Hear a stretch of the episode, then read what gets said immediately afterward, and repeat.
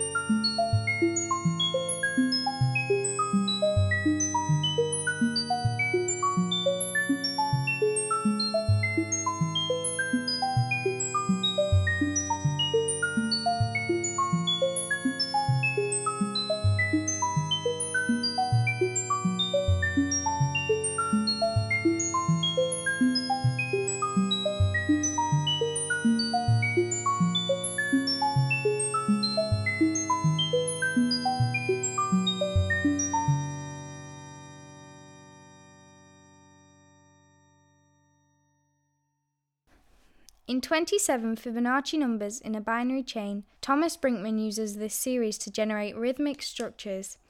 Here, each subsequent number is the sum of the previous two. Starting with 0, then 1, we get 1, 2, 3, 5, 8, 13, and so on. In the piece, each of these is expressed as a binary number and used to trigger two different sounds.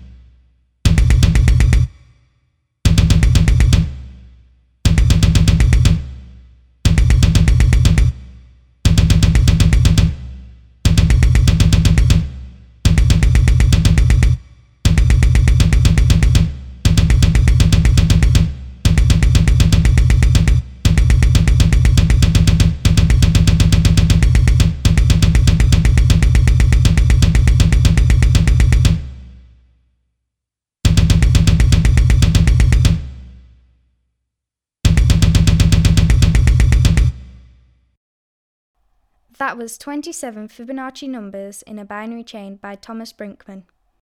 This very determinate system can be contrasted to the work of the Greek composer and music theorist Iannis Xenakis, widely considered to be a pioneer in this field. As early as 1960, Xenakis had begun to compose entire pieces of music by computer using probability functions to determine the large number of events in his musical notation. This seemingly cerebral approach was for Xenakis, in fact, deeply grounded in nature. S.709 was composed at the Center for Studies in Mathematics and Automated Music in 1992. The piece was composed with a computer program called GENDYN using a compositional technique known as general dynamic stochastic synthesis, which Xenakis outlined in his book Formalized Music. In stochastic synthesis, both large scale musical structures and individual waveforms are generated using probability functions. In this piece, breakpoints are linked by linear interpolation. At each repetition, the last breakpoint of the current waveform is connected with the first breakpoint of the next variation of the waveform.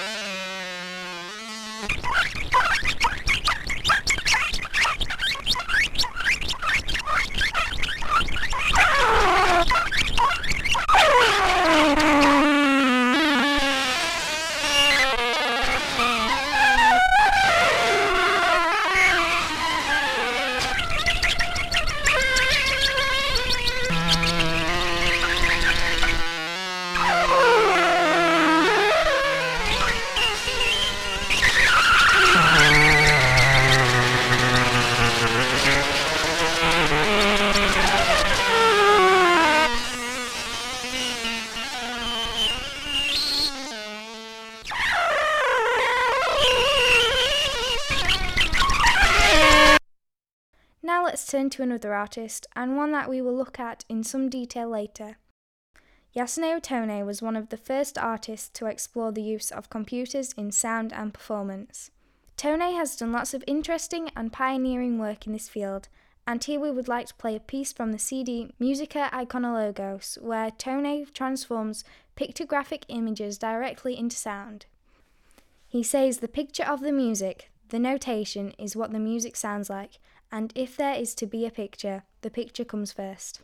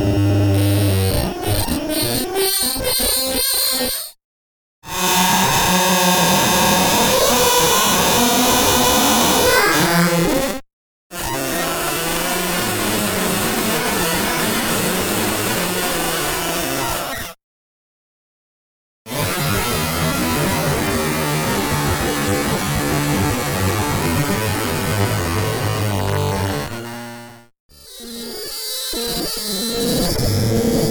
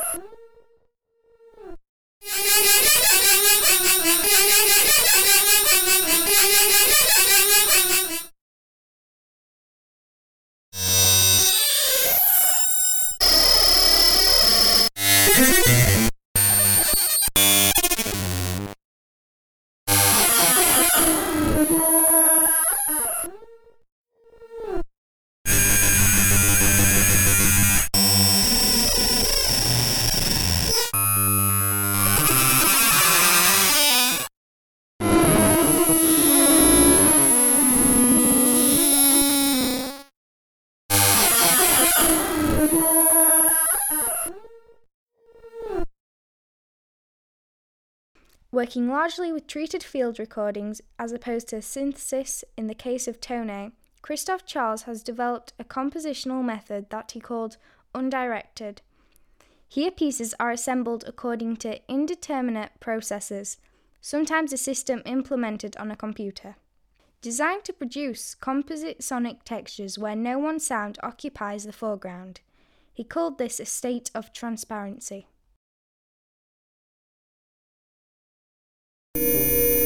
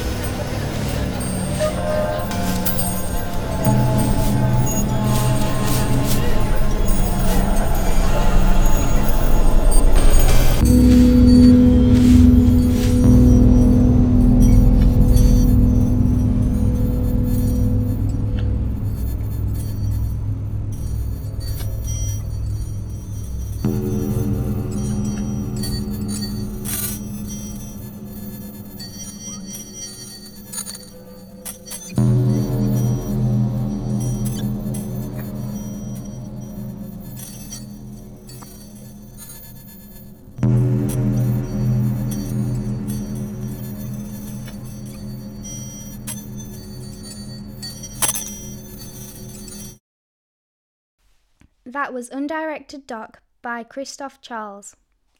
During the 1960s, David Tudor was one of the first composers to reject composing electronic music for tape, focusing instead on the production of live electronic music using modular electronic technologies.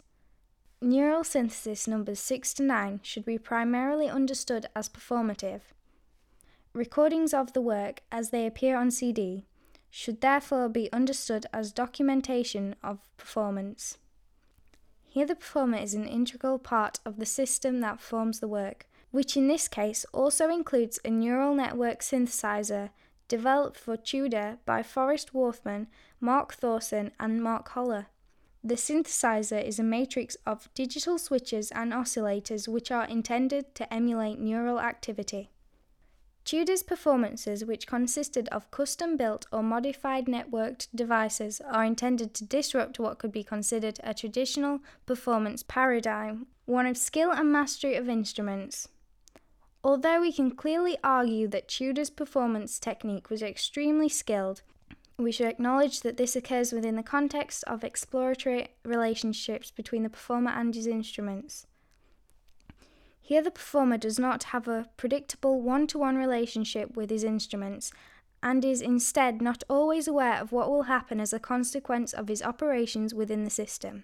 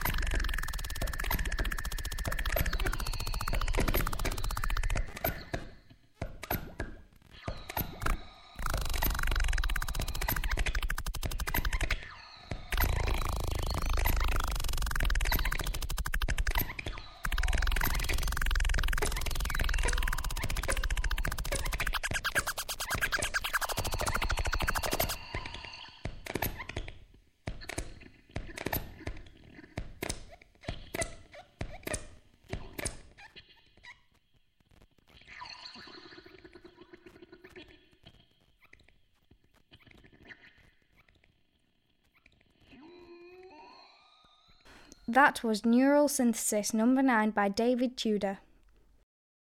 This brings us to the end of this introductory episode.